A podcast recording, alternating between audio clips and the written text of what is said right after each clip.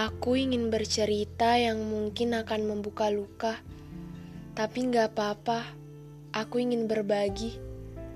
Berawal dari SD sudah sangat terbiasa menyendiri, karena memiliki kelebihan kecerdasan yang membuatku dibenci. Setiap kali berjalan, temanku selalu bercerita di sudut kelas, membicarakan kejelekanku sesuka hati. Aku hanya mampu berdiam Toh aku punya teman, meskipun cuma teman biasa. Hingga naik di bangku SMP, aku dipisahkan dari temanku. Aku ditempatkan di kelas yang sama dengan mereka. Ada rasa nggak terima di hati, tapi hanya mampu bungkam. Aku berusaha menyelesaikan diri sekelas sama mereka. Seiring jalannya waktu, aku suka K-pop dan mereka sering mengajak aku berbicara tentang K-pop ini. Mereka mulai ingin berteman karena memiliki hobi yang sama. Sebenarnya, aku nggak rela. Mereka sudah menyakitiku, tapi aku juga butuh sosok teman di kelas. Aku berusaha meyakinkan diri bahwa lupakan hal-hal yang sudah pasti adalah racun dalam hidupku. Aku mulai kenal dengan mereka. Ternyata mereka baik. Aku mulai berteman sama mereka dan kami juga punya hobi membeli barang yang berbau K-pop. Aku juga ikut dalam hobi itu. Aku mulai tak hidup di kesendirian. Aku juga mulai deket sama kakak kelas. Aku mulai terpengaruh sama lingkungan. Tapi ternyata mereka tak sebaik apa yang aku pikirkan. Mereka tetap racun. Dia membicarakanku di belakang. Dadaku sesak dibicarakan seperti itu.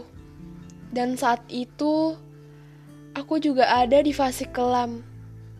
Aku hilang arah, dan aku merasa tak ada lagi tempat untuk bercerita. Dan aku mulai mencoba hal-hal yang di luar dari pikiranku. Aku mencoba berpacaran dengan kakak kelasku itu. Dia aku jadikan tempat keluh kesahku.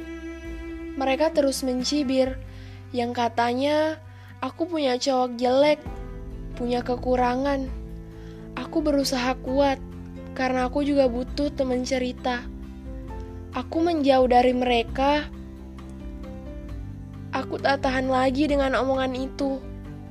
Tak ada lagi cerita dengan mereka. Aku punya tempat baru untuk bercerita. Iya, dia kakak kelasku. Aku bercerita kepadanya tentang mereka yang menyakitiku. Dan kalian tahu apa yang terjadi? Dia mengkhianatiku. Dia memberitahu semua rahasiaku pada mereka. Aku makin dibenci saat itu. Sekelas semakin mengucilkan aku. Aku benci dia. Aku gak ingin lagi percaya sama orang lain. Aku marah sama diriku. Aku kembali hidup dalam sepi, kesendirian. Aku hanya berinteraksi dengan mereka jika ada tugas sekolah. Bagaimana?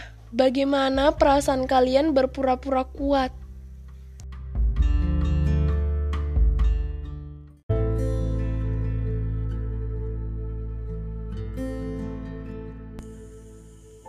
Waktu berjalan begitu saja hingga aku naik di bangku SMA. Aku melewati semuanya dengan kepura-puraan. Kita disatukan lagi di kelas yang sama.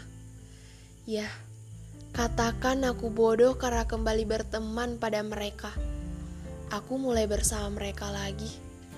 Makan bersama, cerita bersama, Aku seakan lupa dengan memori bahwa mereka pernah membuatku jatuh. Saat itu, mereka mengajak aku berbelanja hal yang berbau K-pop. Aku menolak halus karena aku tak punya uang saat itu. Mereka juga mengajak membeli makanan bersama. Aku juga menolak karena aku benar-benar tak punya uang. Aku tak enak hati sebenarnya pada mereka tapi katanya tidak apa-apa, kita bisa makan bersama. Saat makanan itu datang, aku meminta izin untuk mencicipinya, dan mereka mengizinkan. Dan hal itu benar-benar perbuatan yang sangat kusesali. Ada seseorang dari mereka yang mengatakan padaku, "Jangan lagi seperti itu." Katanya ada yang risih. Sakit sekali hati ini. Padahal ada yang lebih parah dariku.